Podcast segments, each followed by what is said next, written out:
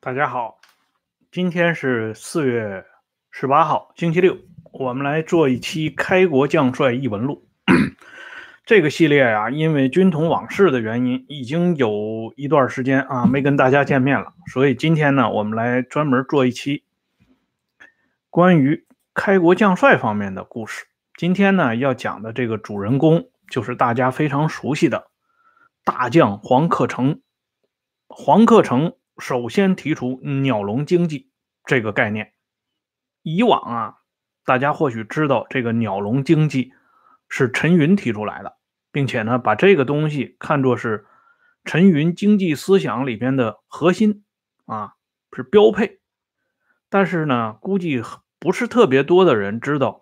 这个鸟笼经济最初的提出者或者是原创是大将黄克诚。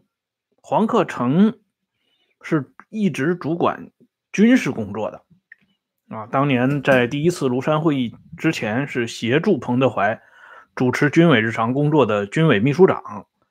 嗯，重新出山以后呢，是中央纪律检查委员会的第三书记。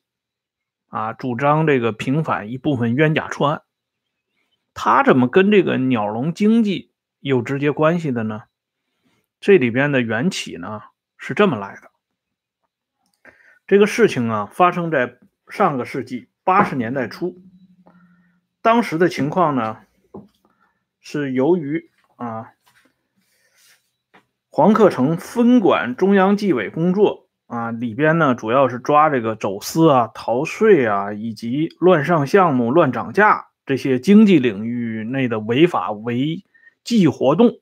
这样呢，黄克诚就有一点忧虑啊。他这个在同陈云谈话的时候，就是在中共第十二次全国代表大会召开前夕，黄克诚忧心忡忡的啊找到了陈云。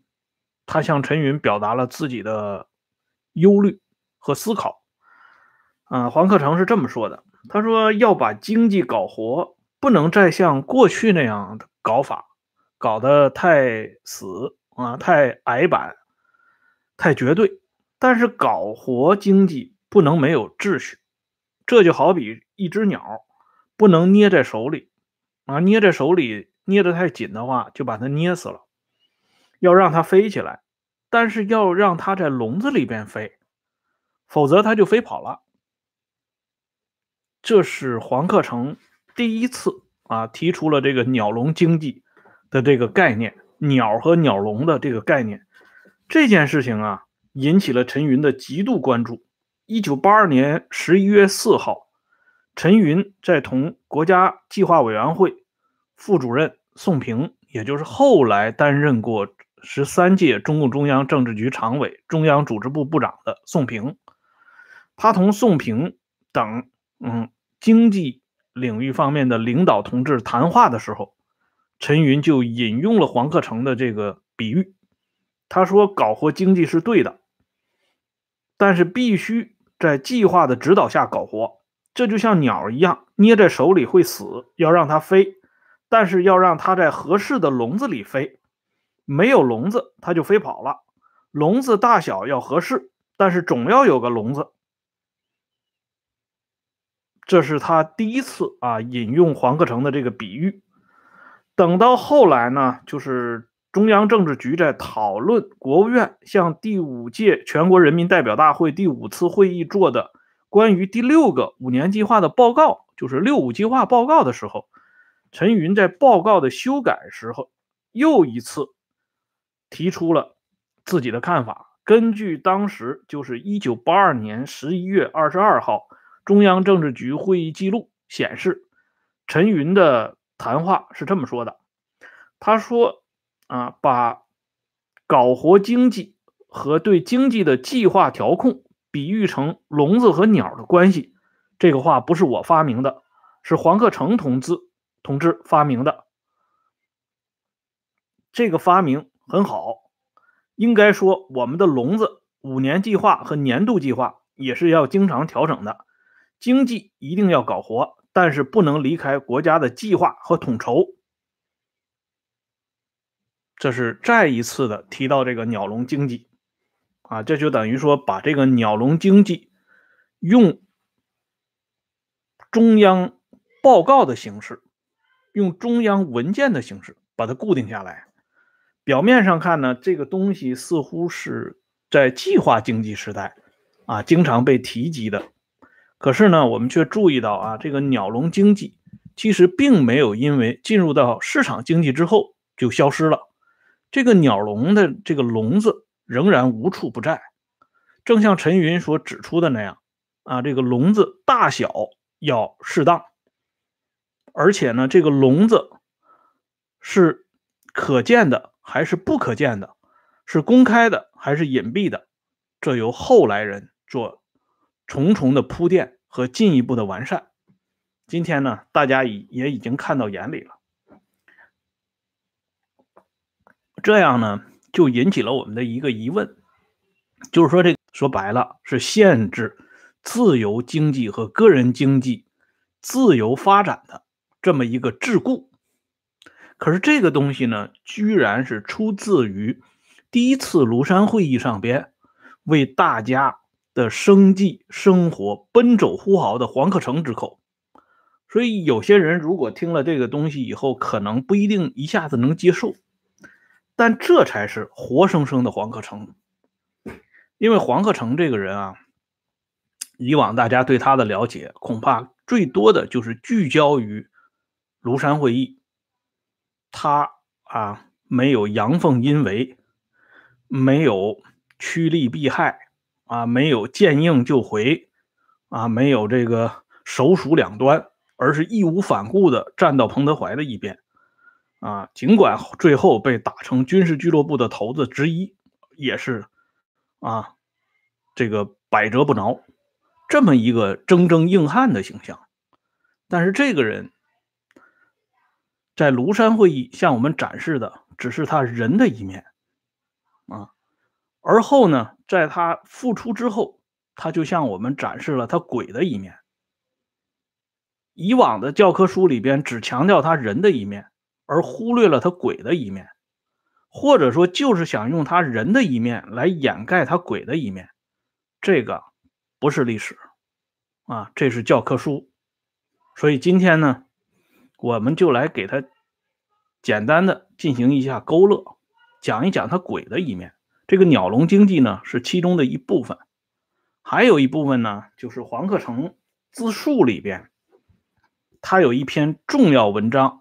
附录于黄克诚自述之后，就是高度的评价毛泽东的，呃，一生以及对毛泽东思想的态度啊，在这个他的自述的最后里边呢，他一再向大家强调，他说毛泽东为建设社会主义的新中国献出了自己的一切，他是全国人民。无限爱戴的英雄啊！他已经建立的功绩是无人可以替代的。他系统的总结了中国革命的经验，创造性的把马克思主义理论联系中国实际，成为啊理论上的经典典范和里程碑。主席的著作在理论上深入浅出，对指导我们的。革命实践有极其重大的意义。主席的思想和著作永远是我们国家的宝贵财富啊！我们对主席在历史上的地位、作用和他的思想著作应有公正的评价，要站在十亿人的根本利益上去评价，要顾全大局，有利于下一代人的成长啊！所以后来呢？邓小平就当着张爱萍专门夸过黄克诚，他说黄克诚这个人真的是很懂政治，而且呢，不光是在这个问题上，我们呢还以前还讲过一个例子，就是在这个文化大革命当中，内蒙古呢有一场惨绝人寰的政治运动，就是抓内人党的事情。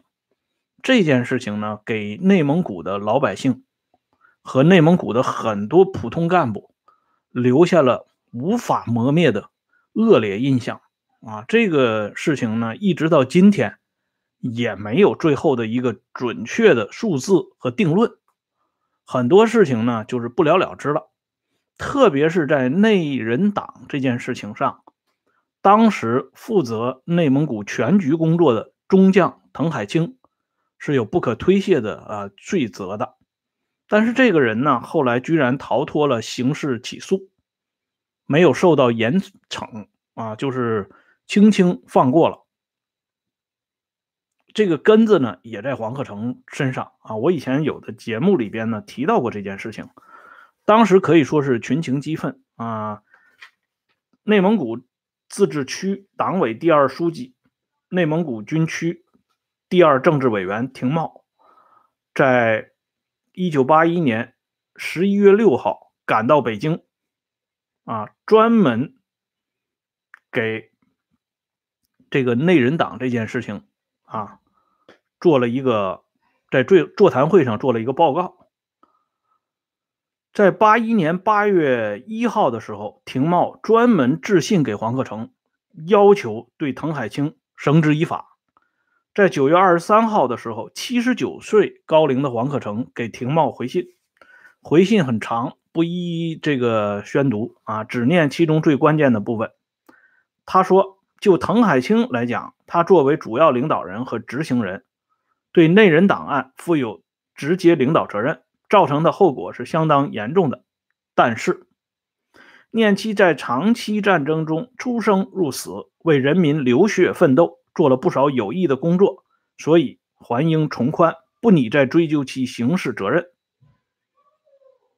而且呢，不光是滕海清啊，黄克诚讲，诸如周世、周赤平、程世清等二十六人，也要分别解除关押，不再追究其刑事责任。廷茂呢表示不满意啊，跟这个黄克诚发生激辩。激辩的结果呢，黄克诚最后就告诉他：“你去找胡耀邦吧。啊，既然我这边你的回答你不满意，你就去找胡耀邦。当然，这个事情最终还是按照黄克诚的意见来处理了。这些啊将星闪烁、领顶辉煌的大人物嘛，没有受到任何的实质性的追究。”他们当初所犯下的累累罪行，都随着历史的，啊的翻篇啊被淹没了，甚至呢，他们的后代还不断的把这些事情呢啊加以掩盖，并且呢试图用他老子当年所谓出生入死的那些啊功绩来掩盖后边的血迹，啊有的做的比较成功了，嗯，因为这个呃咱们这人普遍是比较健忘的啊。通过这几件事情，大家就可以看到一个真实的黄克诚到底是一个什么样子的。其实呢，很正常，不光是黄克诚，包括采纳黄克诚鸟笼经济的这位陈云同志啊，也是这样一个人。我们都知道，当年由于上层的盲目操作啊，以及种种的主客观原因。导致了所谓的三年自然灾害，啊，这给中国人造成了无以复加的灾难。当这个灾难呢即将过去的时候，中央敦请陈云出山，啊，收拾残局。陈云那个时候呢，在中共八届九中全会上有一个非常有名的讲话，这个讲话呢就讲了三句，啊，就是言简意赅。他说呢，我们现在啊两条腿走路。一条呢叫定量供应，啊，这个我们都知道啊，三两油三两肉，当时是凭票供应。再一条呢叫卖高级糖果、点心和炒肉片这两个办法同时来，目的是什么呢？陈云说三条：第一，缓和人心；第二，增加热量；第三，回笼货币。啊，你看这三条，尤其这第二条，增加热量。啊，这一句话四个字，真的跟养猪养狗没什么区别啊！缓和人心，卖一点高价糖果、炒肉片啊，这就高级点心，这就缓和人心了。而最主要的目的是干嘛呢？回笼货币。所以呢，当时陈云算了一笔账啊，他搞一万吨的糖果出来，敞开卖，不要限制。啊，谁想买多少斤就买多少斤。当时呢有这么一个消息啊，就是这个上海呢有一个教授，他看到这个高级糖果这么多年看不到的高级糖果突然从这个大商场里边挂了出来，于是呢这个教授一下子买了五十斤，结果第二天去发现呢又有很多高级糖果和高级点心挂了出来，啊，这样呢陈云自己说我们这一斤糖果就可以赚三块钱。于是呢，一共赚回了三十多个亿呀！当时是百废待兴啊！啊，老百姓呢还挣扎在这个饥饿和死亡的边缘上，人家已经考虑到回笼货币了。啊，用这个大笼子一下子又圈回来了这么多钱，哎，这个可以说是绝功至伟啊！所以呢，后来啊，所有人。都在夸这个陈云。更有意思的是呢，陈云后边还有一个重要的讲话。他的讲话是怎么说的呢？他说：“你多赚了钱，我就想办法拿回来。”这就是回笼货币啊！而且呢，陈云比刘少奇还要高明。那个时候呢，因为这个。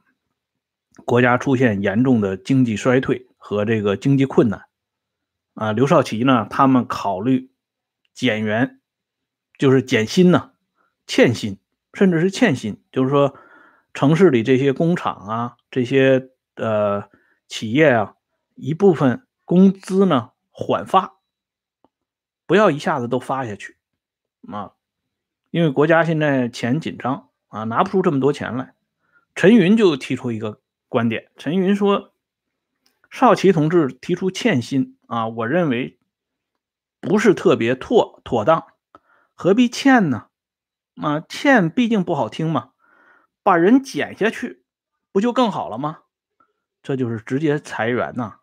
他不光是裁员，不像今天，就是说裁了员，你可以另外找一份工作。那个年代裁员是什么概念呢？所谓把人减下去，就是把你。”在城市的户口注销，把你送到城乡结合部，甚至直接轰到农村去。所以最后呢，整个全国减了大概两千八百多万人，从城市里轰下去两千八百多万人。陈云一锤定音呐，哎，所以为什么黄克诚的鸟笼经济一下子啊深获陈云之心？从陈云在历史上他所做的这些种种的努力。啊，陈云是号称最懂经济的一个人，啊，他做的这些种种努力，与这个黄克诚的提议那是极端吻合的。所谓没有无缘无故的爱，没有无缘无故的恨，也就体现在这里。啊，而这个鸟笼经济也好，高价糖果、高级点心、回笼货币也罢，其最初的发明者既不是陈云，也不是王克诚，而是往上追。追到春秋战国时代，我们有一位响当当的大人物，他的名字叫管仲。谁都知道管仲啊，辅佐齐桓公，公子小白一跃成为五霸之首，春秋五霸。而这个管仲呢，又是另外一位响当当的历史人物的心中偶像。诸葛亮早年在隆中的时候，就以管仲乐毅自居，啊，希望。像他们那样啊，成就这个一生的这个伟大的事业啊，后来呢也差不多吧，可以说是这个直追管乐吧。所以后人像李商隐他们这这些人，不都是专门有诗来形容嘛？所谓“管乐有才真不忝，关张无命欲何如啊？他年锦鲤经祠庙，梁府银城恨有余啊！”都是这个怜惜。诸葛亮空有这个满腹经纶，但是没有施展的余地。这里边还是把这个管仲提了出来。管仲在后代被中国人尊称为尊称啊，管子啊。我们知道咱们中国人对这些比较有能力的老祖宗们啊，通常都以子来尊称。著名的孔夫子、孟夫子啊，后边的朱夫子、朱熹啊，还有其他的配祥的。什么颜子啊、曾子啊等等，啊，这个管仲也是居于子的这个地位。特别呢，我觉得这个管子这个名起得非常好。管什么子啊？五子啊，五子登科。我们经常说五子登科，哪五子呢？就是前代的啊，米代的。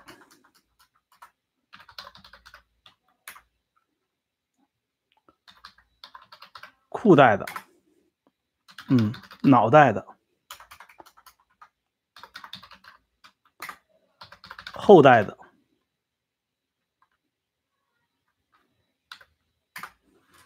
就管这五子，所以人家叫管子啊，管你的钱财，管你的粮食，管你的裤腰带，管你的思想，甚至管你的子孙后代啊。人家为什么叫管子？管仲啊，啊，仲是什么意思呢？就是老二的意思嘛，管老二嘛，哎，专门是管老二的，哎，什么是老二啊？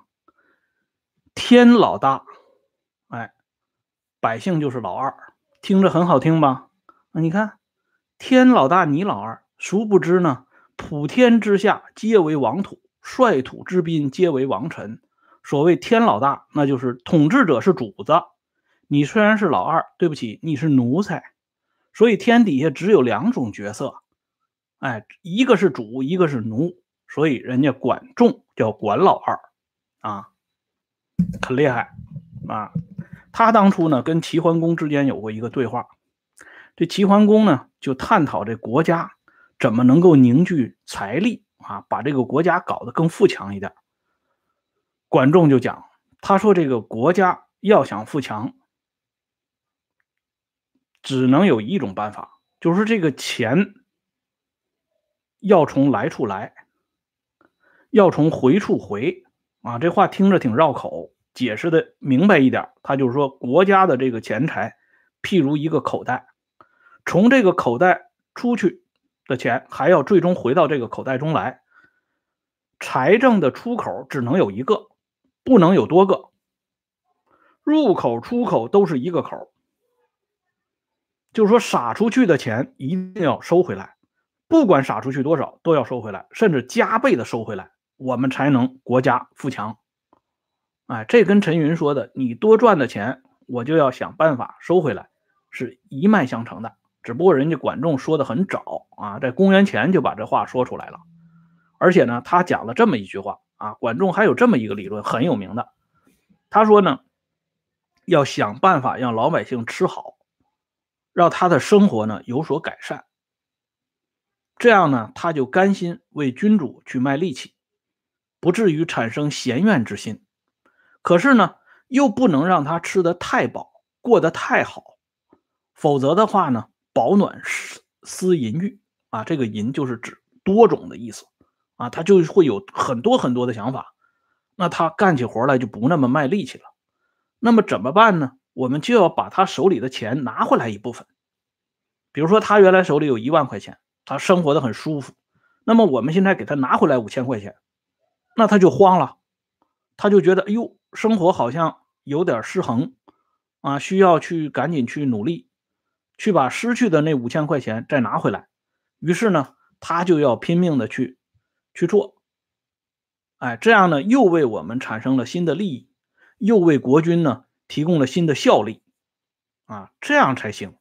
这个钱一定要这么使用，而这个出口入口一定要扎紧，啊，绝对不能放松。这个其实跟后边所提的这个鸟笼是一个概念。所以呢，我们从这些啊，从这些人身上，我们就可以看出来。古往今来啊，大家崇拜的管仲啊，这个古代的管仲，这是忠臣贤相的代表人物啊。那么，这个现当代的陈云、黄克诚，尤其是黄克诚，也是很多人啊称之为良知的代表。可是这些人呢，他们公元前想的事情和公元后想的事情是一样的。本质上讲，都是怎么从老百姓的口袋里掏出那些钱来，然后呢，巩固统治阶级的利益。啊，不论他的名字叫管仲，还是他叫黄克诚，还是他叫陈云，都是心往一处想，劲儿往一处使，这才是他们最本质的东西。啊，所以这个忠臣良将，还是这个奸臣佞幸，在盐碱地的这个所谓的传统文化当中，尽管脸谱是不同的，但是本质是完全一致的。啊，所谓中国这个传统文化，啊，为什么能够产生这样的怪物？总是产生这种怪物，大家也就不妨来看一看什么叫传统文化。好了，今天呢，关于这个大将黄鹤城及由黄鹤城引申出来的这个故事呢，就先说到这里。感谢大家收看，欢迎大家持续关注啊，温相说党史，欢迎大家踊跃订阅。这个节目呢，最近这一段时间一直以录播的形式出现，除了周六的会员频道啊，再一次提醒大家，谢谢，再见。